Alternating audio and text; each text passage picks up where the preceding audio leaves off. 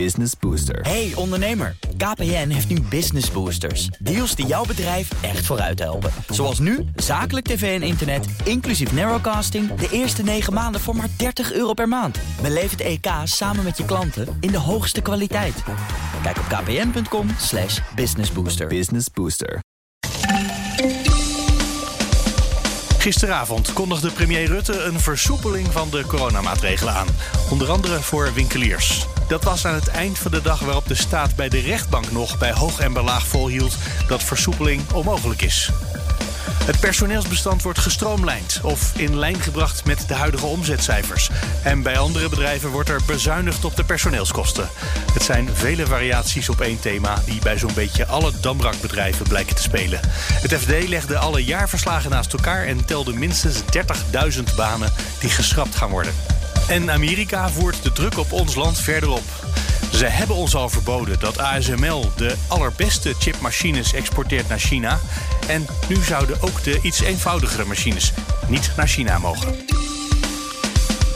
Dit is Nieuwsroom, de dagelijkse podcast van het Financiële Dagblad en BNR Nieuwsradio. Met het nieuws verteld door de journalisten zelf. Ik ben Mark Beekhuis en het is vandaag dinsdag 9 maart. Hallo, Lisa van der Velde. Hoi. Van het Financieel Dagblad. We gaan het hebben over uh, twee dingen die heel dicht bij elkaar komen. Namelijk uh, de rechtszaak gisteren, het kort geding van de winkels tegen het kabinet. Die vinden dat uh, het kabinet eindelijk een beetje moet gaan bewegen. En gisteravond was er ook een persconferentie van de minister-president Mark Rutte... en de minister voor alles wat met corona te maken heeft, Hugo de Jonge.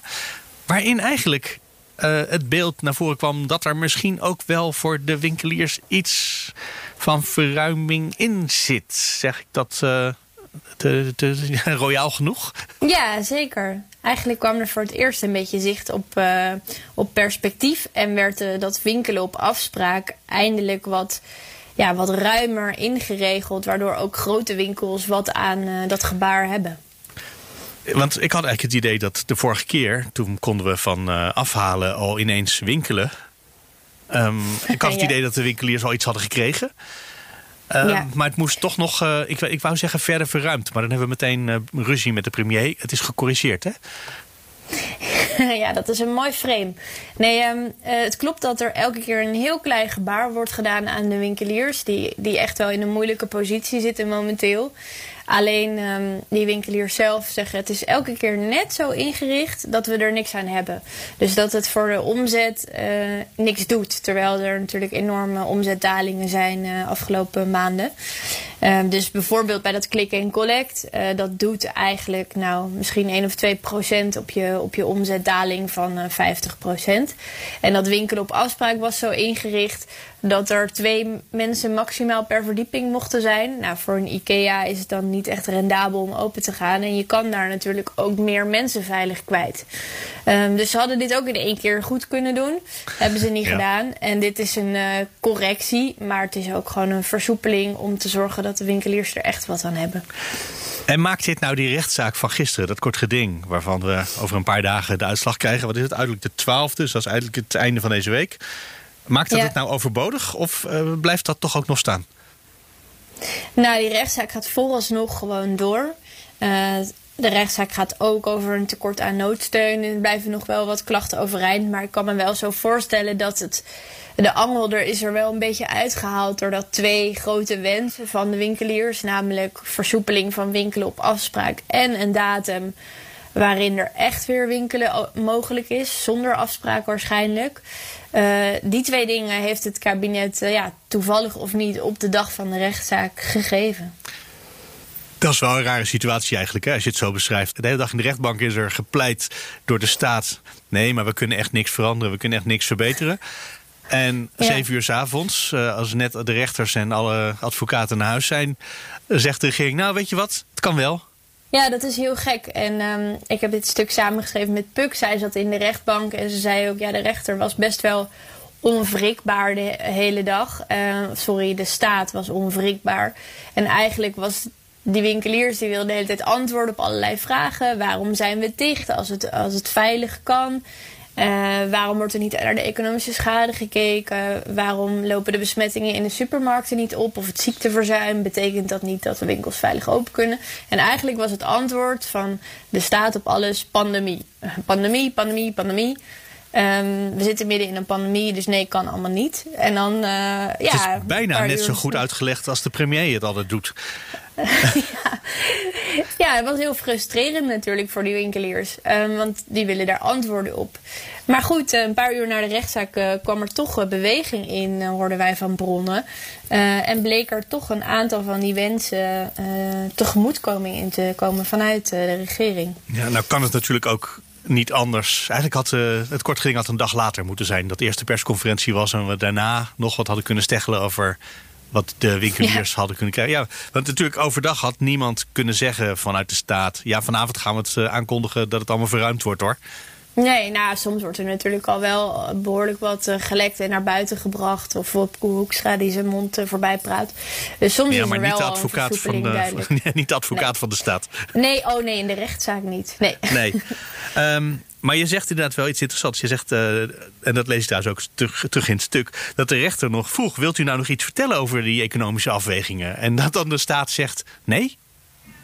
Nee, hoeft niet. Nee, ja. Uh, nee, pandemie.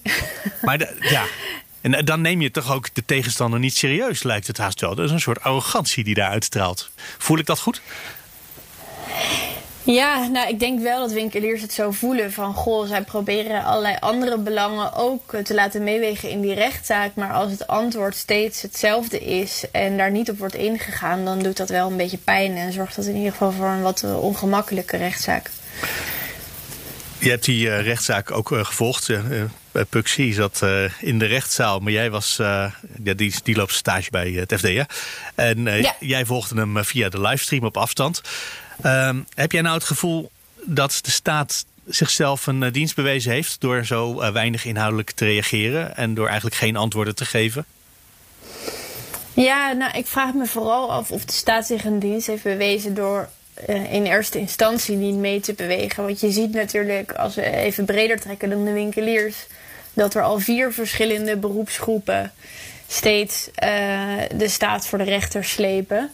Um, en dan uiteindelijk, een week later, blijkt er toch van alles mogelijk. Dus dan vraag je je af, waar in de lobby is het nou stuk gelopen... dat het zo erg op de spits uh, is moeten gedreven... en dat eigenlijk zo'n rechtszaak in dit geval misschien wel als breekijzer moet worden gebruikt.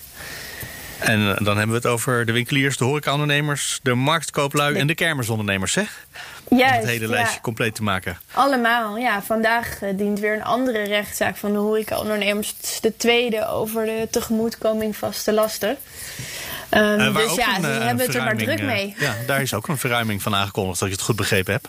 Ja, maar het is in ieder geval opvallend dat, dat de staat het er zo druk mee heeft. En dat het met allerlei correcties moet komen om het ja, om het de gemoederen een beetje te laten zakken. Terwijl ja, deze dingen, daar is al heel lang voor gelobbyd en al heel lang overlegd. Dus dat hadden ze ook een weekje eerder kunnen doen. En tegelijk denk ik, goede kans dat de ondernemers ook dan niet gelukkig waren. En dan hadden gezegd, ja, maar 1 per 25 vierkante meter. Dan kunnen we wel 1 per 12 vierkante meter, toch? Uh, er zit natuurlijk altijd, ja, dat dat uh, het nu kan de, altijd dat meer. dat nu de nieuwe lobby wordt. Ja, nou goed, ja. Je zou hopen dat er op een gegeven moment wel... Um, wel genoeg uh, versoepelingen zijn aangekondigd dat iedereen ermee akkoord gaat. Maar goed, het is ook een lobbyclub is een lobbyclub en een brancheclub is een brancheclub. Ja, Natuurlijk dat is probeer daar het maximale uit te slepen. Maar ik denk wel dat wij allebei kunnen zeggen van... goh, twee mensen per verdieping in de IKEA... dat klonk niet als een supergoed uitgedacht plan. Nou, ik kan me herinneren dat het werd verkocht als... Uh, we gaan nu vooral de kleine ondernemingen helpen. En de grote ondernemingen die, die kunnen zichzelf makkelijker uh, overeind houden in moeilijke tijden. Maar die kleine, die hebben onze steun nu echt nodig. En als Ja, je dat als heel uit... sympathiek. Nee, maar als je dat als uitgangspunt hebt, dan hoef je dus die IKEA op het ogenblik niet te helpen. Nee. En dat klinkt heel sympathiek. En dat, die hebben natuurlijk ook veel meer het sentiment mee als kleine ondernemers. Maar als je even heel sec naar de zaak kijkt. Uh, dan zijn juist de kleinere MKB'ers al best wel goed geholpen in deze coronacrisis. Als het gaat om noodsteun. En zijn, zit de pijn vooral bij de uh, winkeliers die tien filialen of meer hebben.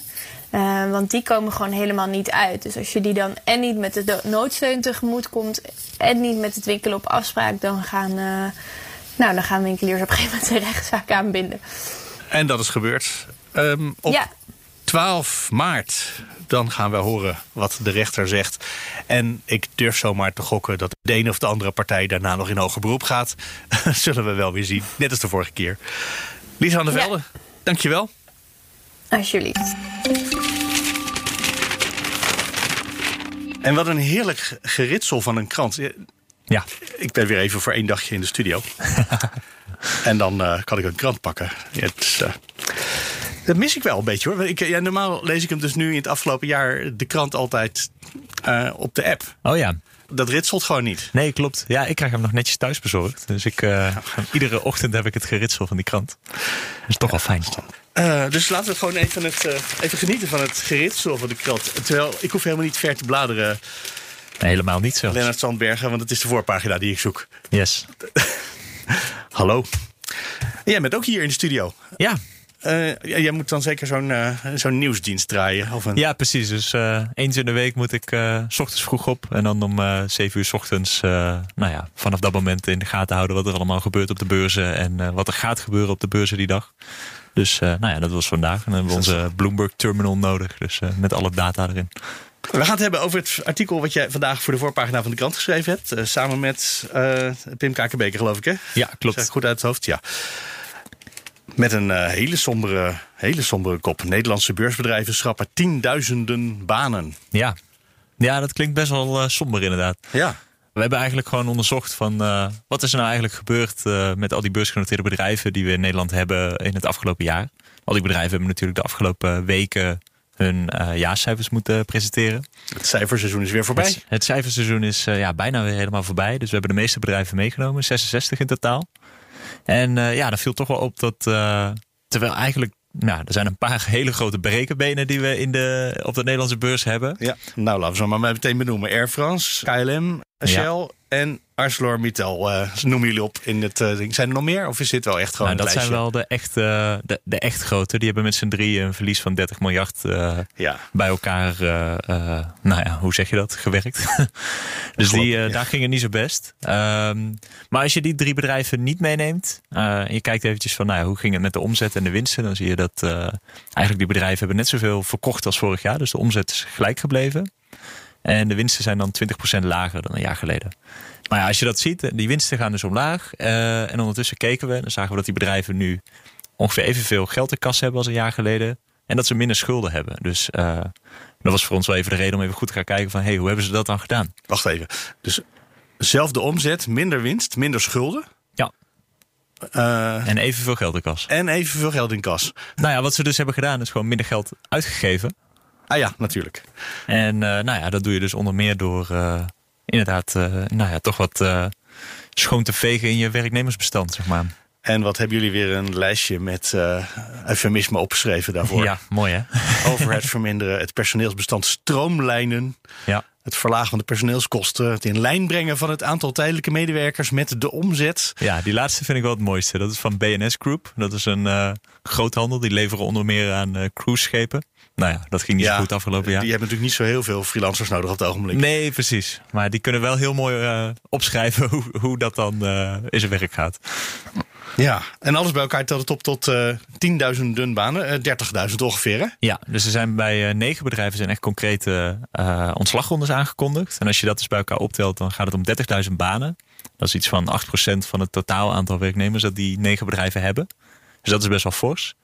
En dan zijn er toch ook nog wel een heel aantal bedrijven, 12. Die dan inderdaad uh, met al die eufemismes die je net noemde... Nog geen getallen uh, noemen, maar zeggen dat gaan we wel doen in de ja, praktijk. Precies. Uh, ja, en soms zie je het ook wel terug. want de meeste bedrijven die noemen ook wel het aantal personeelsleden dat ze nu in dienst hebben. En dan kan je ook kijken wat ze vorig jaar hadden. En dan zie je wel dat nou ja, bij sommige bedrijven die hebben geen ontslagrondes aangekondigd. Maar, er zijn maar er toch heel opeens... veel natuurlijk verloopt toevallig in het afgelopen ja, jaar. precies. Nou ja, niet toevallig hoor. Dat, uh, als je het ze vraagt, dan zeggen ze dat ook wel van ja, we hebben gewoon banen niet meer ingevuld. Ja. Dus Axo Nobel heeft 1600 mensen minder in dienst. Uh, Aalbers, dat is een grote toeleverancier van de industrie, Ja. die hebben ongeveer hetzelfde gedaan. En ja, en die hadden gewoon zoiets van ja, we hebben gewoon uh, minder mensen nodig. Onze fabrieken liggen stil. Ja, Ja.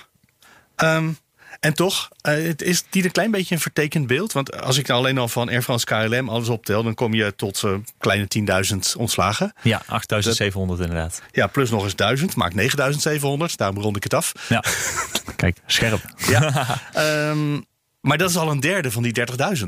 Dus dat is één bedrijf. Ja, klopt. Is, is, maak je dan toch niet het beeld van al die andere bedrijven een beetje te somber? Nou, nee, toch niet hoor. Want um, die bedrijven die dat allemaal hebben aangekondigd, ook Heineken bijvoorbeeld, ja, die hebben natuurlijk ook niet een best jaar achter de rug. Maar toch, uh, daar gaan ook best wel wat banen weg. Ze schrappen er ook 8000. Ja, ook Shell. Ook zijn, Shell. ook allerlei ING bedrijven doen en ABN AMRO, die doen dat ook. Newways, dat is eigenlijk een heel klein bedrijf. Maar die schrappen 10% van hun werknemersbestand. Dat zijn 350 banen.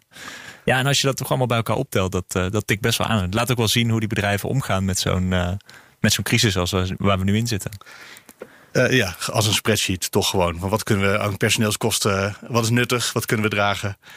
Ja, eigenlijk, uh, eigenlijk wel. Maar goed, daarmee bezuinigen ze ook niet alleen op personeel. Uh, ze investeren ook wat minder. Uh, en wat je ook wel ziet is dat ze gewoon minder dividend uitkeren. Dus er gaat ook minder geld terug naar aandeelhouders. Je kan natuurlijk ook niet heel veel dividend gaan uitkeren en ondertussen allemaal medewerkers de laan uitsturen. Dan gaan toch op een gegeven moment de vakbonden wel stijgen. Uh, ja, daar mag je op vertrouwen. Ja, dat hoop ik wel. Ja. Bij veel bedrijven wel. Ja. Maar dat, dat er veel mensen weggaan, het is natuurlijk niet zo heel verrassend, want we zitten in een crisis. Dus Ja. wat, wat dat betreft misschien wel in lijn. Mhm. Maar toch, om, eh, om, juist omdat zo één bedrijf al 30% van die 30.000 eh, heeft, eh, is het, heb ik het gevoel dat het misschien toch ietsje minder dramatisch is dan het lijkt. 20.000 is nog steeds natuurlijk heel veel. Ja. Maar ja, je hebt het ook over 66 bedrijven waar je naar gekeken hebt. Ja, klopt. Maar goed, de meeste bedrijven, wat ik al zei, die, die kondigen dat dus niet zo expliciet aan. Als je het hebt over bedrijven die dus inderdaad wel echt flink banen schrappen, dan heb je het al over bijna 20. Uh, maar goed, uh, ja, het is ook wel heel moeilijk om te zien welke cijfers daar precies dan uh, bij horen. Ook omdat die, ja, die ontslagrondes die zijn niet binnen een maand allemaal gedaan. Dat gaat vaak nee. over grotere periodes. Wat je wel ziet is dat ook bedrijven toch wel een beetje de kans pakken. Dus het, is, ja, het gaat even wat slechter met de economie. en dan pakken veel bedrijven toch wel een beetje die kans om dan wat uh, uh, vet van de botten te snijden, zeg maar. Op plekken waar ze toch misschien al vanaf wilden. Ja, precies. En natuurlijk, ja, als het heel goed gaat met een bedrijf en het gaat goed met de economie, dan heb je zoiets van ja, uh, dan wil je je concentreren op zoveel mogelijk kansen grijpen, zoveel mogelijk uitbreiden, nou ja, gewoon dingen proberen. Mm -hmm. En ja, dan creëer je toch inderdaad wel wat wat te veel vet op de botten. En dat ga je er dan uh, in een slechte periode weer afhalen. Dat is eigenlijk wat je normaal ja, ja, eigenlijk in alle crisisperiodes cyclus. Ja. ja. En ik heb bij een aantal bedrijven gewerkt waar regelmatig enorme ontslagrondes werden aangekondigd. Mm -hmm. Maar ondertussen bleken er altijd in andere gangen wel weer evenveel mensen, of soms wel meer, uh, te worden aangenomen. Dus dan werden er 8000 mensen ontslagen. En in Ja. de praktijk, daar had niemand het over, ook uh, 9000 mensen aangenomen. Ja, klopt. Ja, dat zie je wel een beetje bij de, bij de banken. Dus uh, ING en ABN AMRO hebben allebei wel uh, ontslagrondes aangekondigd. Gaan wel, nou, ik geloof in totaal duizend banen weg. Uh, maar ondertussen nemen die ook wel een paar duizend mensen aan. Ja. En wat, ja, maar dan is het natuurlijk altijd wel een beetje de vraag van, nou oké, okay, wat voor banen gaan er weg? En wat voor banen komen er weer bij? Want waar het een beetje op lijkt is dat die banen die erbij komen, dat zijn die mensen die de grote achterstanden op het gebied van compliance uh, moeten oplossen. Dus die banken hebben natuurlijk door die. Uh, dat is voor tijdelijk dan, want die achterstanden moeten worden weggewerkt. Ja, precies. Dus dat is en tijdelijk en dat is niet super hoogwaardig werk. Het is natuurlijk, uh, ja, het is natuurlijk wat het is anders. Belangrijk, dan, maar... Het is heel belangrijk, maar het is niet alsof dat de, de, de grote bankiers zijn die, uh, die miljoenen binnenhalen voor de bank, zeg maar. Uh, dus wat dat betreft kan je ook wel kijken van, uh, nou ja, wat voor banen verdwijnen er nou en wat voor banen komen er voor terug. En dat is, in dat geval valt dat een beetje tegen misschien? Ja, misschien wel. Dat las ik volgens mij bij ASML, daar nemen ze ook al wel weer mensen aan. Ja, die uh, groeien lekker door. Die hebben iets van 3000 mensen weer aangenomen het afgelopen jaar. Dat is echt uh, een enorme groeibriljant wat dat betreft. Nou, die zijn nauwelijks geraakt door de crisis. Daar gaan we het zo over hebben met uh, Sandra Olsthoorn. Kijk aan.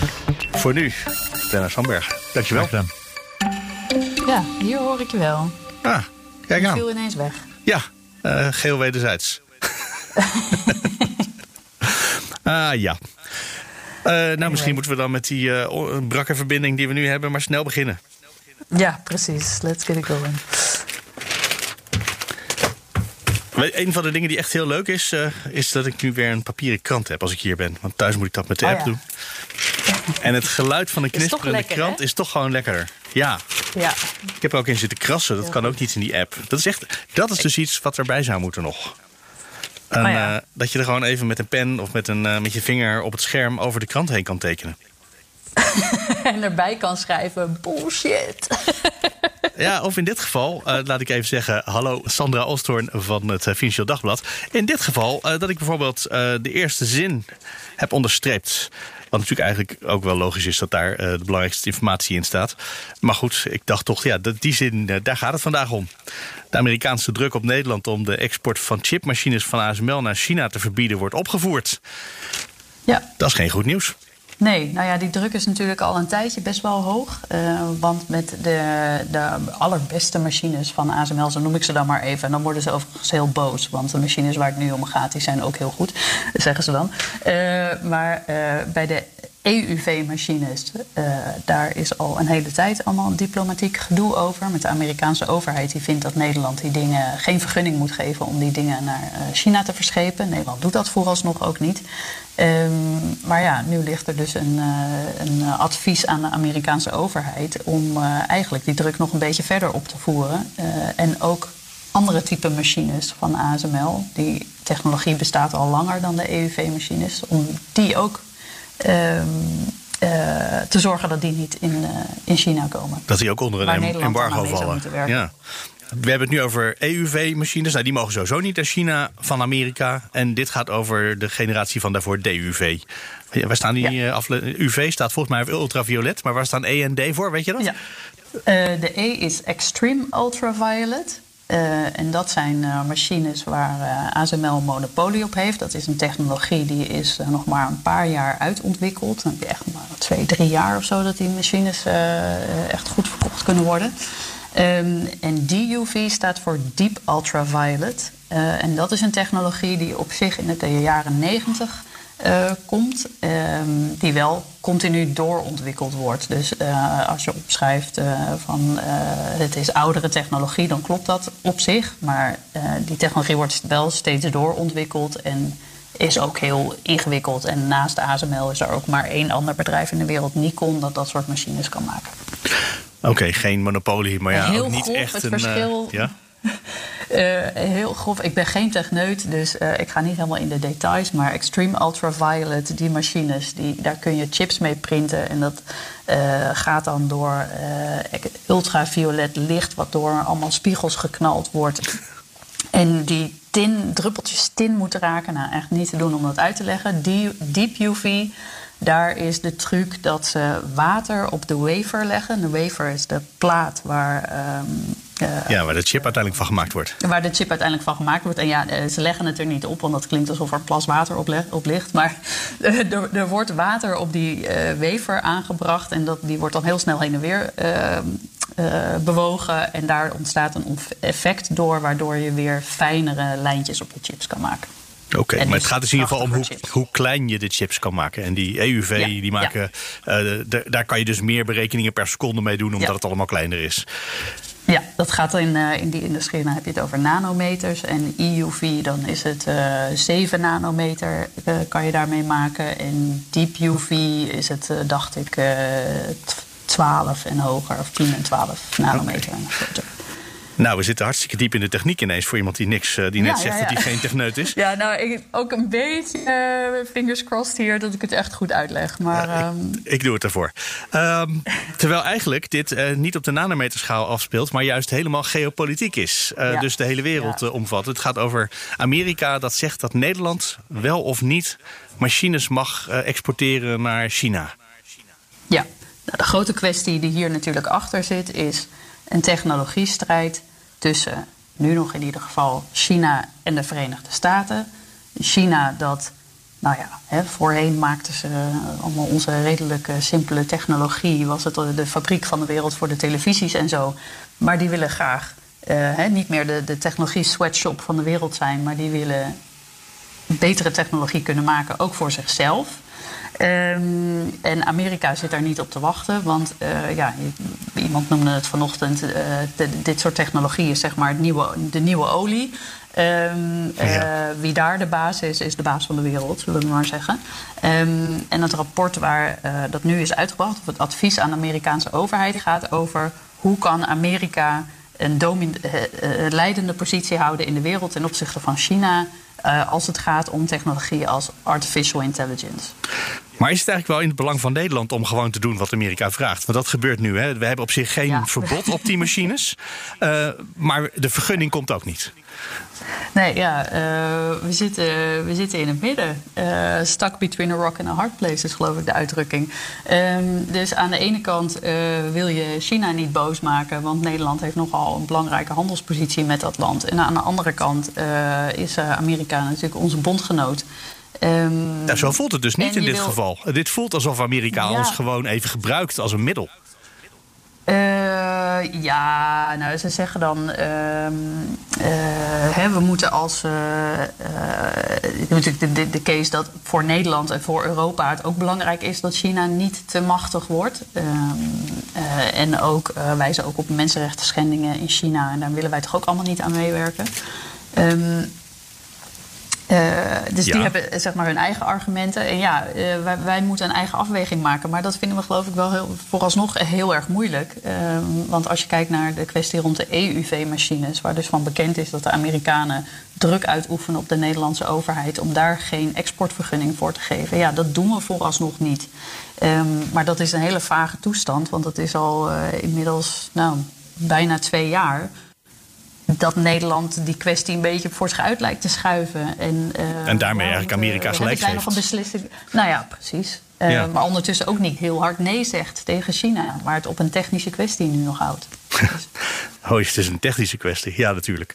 Ja, um, nou ja, we zijn er nog niet uit met de, de, de, voorwaarden waaronder het zou kunnen. Weet je, zo, zoiets hoor je dan. Kan Nederland dit eigenlijk? Want we kunnen natuurlijk moeilijk weerstand bieden tegen zowel de VS als China. Dat zijn twee enorm grote landen. Ja uh, machtig. Uh, misschien moeten we een van de twee wel te vriend houden. Of kunnen wij wel zelf kiezen? Ja, de oplossing zou zijn om het binnen Europa allemaal op te lossen. Mm -hmm. Of als Europa. Europa is machtig genoeg. Niet als Nederland zelf, plekken. maar. Ja, uh, zodat je het ook niet in je eentje hoeft te doen, maar dat je gezamenlijk kan optrekken en dan misschien beide kanten op een vuist kan maken. Ehm, maar dat is ook nog niet zo makkelijk Nee, ja, waar ligt dan het probleem? iedereen op één lijn te krijgen in Europa. Ja. Nou, uh, ik geloof dat in Oost-Europa ze uh, de banden met China behoorlijk aan het aanhalen zijn. Uh, en nou ja, we hebben pas ook een verhaal gemaakt over een Nederlands defensiebedrijf dat van Frankrijk niet aan de Verenigde Staten mag worden, mag worden verkocht. Of aan een Amerikaans bedrijf. Dus die zijn dan weer bang dat die technologie naar Amerika gaat. Ja, in Europa denken we gewoon heel verschillend over de banden met Amerika, eh, het belang dat gehecht wordt aan banden met Amerika versus China. En het wordt heel moeilijk om daar iedereen voor op één lijn te krijgen. En dan staat misschien Nederland nog wel het meest aan de kant van Amerika, van uh, de Europese Unie. Ja. Ja, dat was natuurlijk altijd Groot-Brittannië, maar die zijn eruit. Dus nu zijn wij dat. Ja, precies, nu zijn wij. Wat dat betreft dus, uh, zit ASML ja, in een onhandig land. Hè? Die hadden misschien beter in Frankrijk kunnen gaan zitten. Uh, ja, is dat zo? Nou, omdat die uh, heus wel aan Amerika leveren, maar ook wel uh, een, een, af en toe zich even willen verweren tegen de inmenging vanuit Amerika.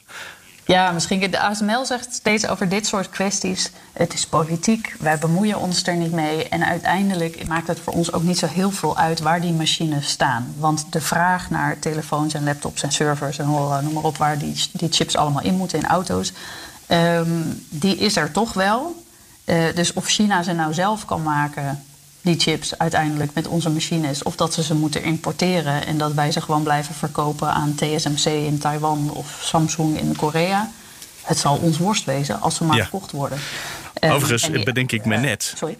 Ik bedenk me net dat we die dingen al lang aan China leveren. Dat wil zeggen, als je het ja. de Chinezen vraagt.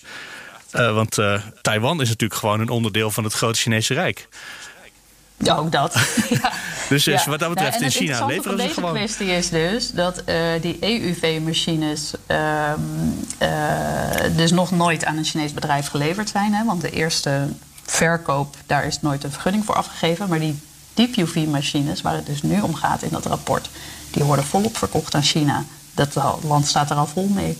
Uh, dus als je China die technologie zou willen ontzeggen, nou, dan ben je daar al een beetje laat mee. Sandra Osthoorn, dankjewel. Alsjeblieft. We komen aan het einde. Je weet, je kan altijd reageren. Mail naar nieuwsroom.fd.nl of nieuwsroom.bnr.nl. Zoals bijvoorbeeld Iljic deed. Iljic reageerde op de aflevering van afgelopen vrijdag van Nieuwsroom Den Haag. Waarin we het hadden over de verkiezingen. En minister Ollongren heeft gezegd dat alle seinen op groen staan voor het doorgaan van de verkiezingen. En Iljic was nieuwsgierig naar het OMT-advies daarover. En hij zegt: Ik heb de laatste vier bekeken en gelezen. Maar daar komt het woord verkiezingen niet in voor. Dus blijkbaar is het kabinet zo zeker van zijn zaak dat ze het niet nodig vinden om het OMT om advies te vragen. Daar stond me al iets van bij dat inderdaad minister Ollongren geen advies heeft gevraagd aan het OMT over of de verkiezingen nou wel of niet door kunnen gaan omdat dat eerder al een keertje zou zijn uitgezocht. Dus ik heb dat even nagevraagd bij Sophie van Leeuwen van onze Haagse redactie. En inderdaad, Sophie lepelde dat meteen op. Er was een advies van het RIVM van 30 oktober alweer. Dus dat is van een tijdje geleden. En Olongren vond dat dat helder was en dat het kabinet geen nieuw OMT-advies nodig had. Iljic, ik zal je in elk geval de link even doorgeven die Sophie mij gaf. Wil je ook reageren? Geen enkele garantie dat je dan ook meteen links toegemaild krijgt hoor. Maar wil je ook reageren? Mail naar nieuwsroom.bnr.nl of nieuwsroom.fd.nl. En dan zijn we er morgen weer. Graag tot dan.